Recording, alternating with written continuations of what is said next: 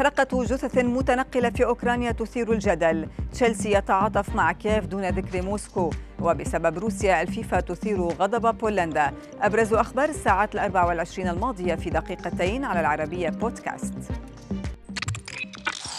البداية بهذا الخبر الغريب حيث أظهر مقطع فيديو قصير نشرته صحيفة تيليغراف وأكدته قناة فوكس نيوز الأمريكية أظهر آلة متنقلة لحرق الجثث مثبتة على شاحنة ترافق الجيش الروسي في أوكرانيا فيما يستعرض جندي سهولة تشغيلها لحرق الجثث والتخلص منها. بن والاس وزير الدفاع البريطاني أثار ضجة بتعليقه للتلغراف أن هذه المحرقة المتنقلة قد تكون أداة روسية لإخفاء عدد قتلاها الحقيقي والتكتم على الخسائر البشرية.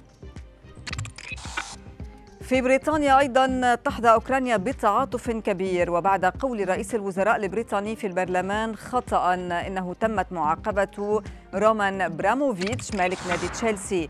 أصدر النادي الإنجليزي بيانا عن الحرب في أوكرانيا جاء فيه الوضع في أوكرانيا مروع ومدمر. نادي تشيلسي يتعاطف مع الجميع في أوكرانيا. الجميع في النادي يصلون من أجل السلام.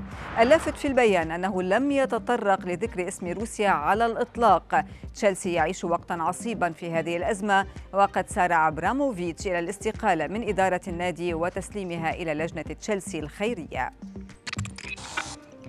في أوكرانيا ما زالت الحرب تغير رزنامة الحب. هذا ما حدث ليارينا أرييفا نائبة مجلس إدارة كييف عندما حددت الحرب موعد زفافها.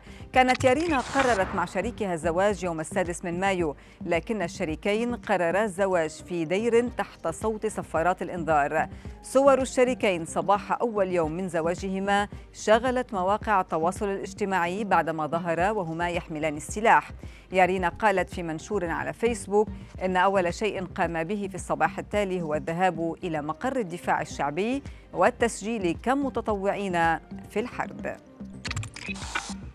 في بولندا أثار قرار الاتحاد الدولي لكرة القدم غضب الاتحاد البولندي للعبة بعدما أعلن الفيفا السماح لمنتخب روسيا بلعب تصفيات كأس العالم تحت اسم الاتحاد الروسي لكرة القدم. تشيزاري كوليشا رئيس الاتحاد البولندي غرد غاضبا. هذا القرار غير مقبول تماما. لسنا مهتمين بالمشاركة في مثل هذه المباراة.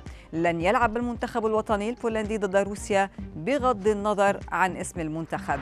ومن المقرر أن يخوض المنتخبان الروسي والبولندي مباراة في موسكو ضمن تصفيات كأس العالم يوم الرابع عشر من مارس المقبل.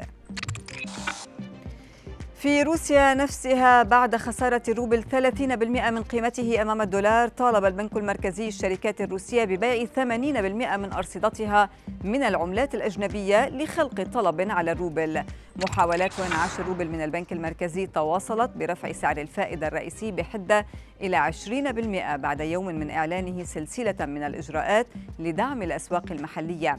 بينما يسارع لإدارة تداعيات اتساع نطاق العقوبات الغربية الصارمة التي جرى إقرارها ردا على حرب موسكو ضد أوكرانيا.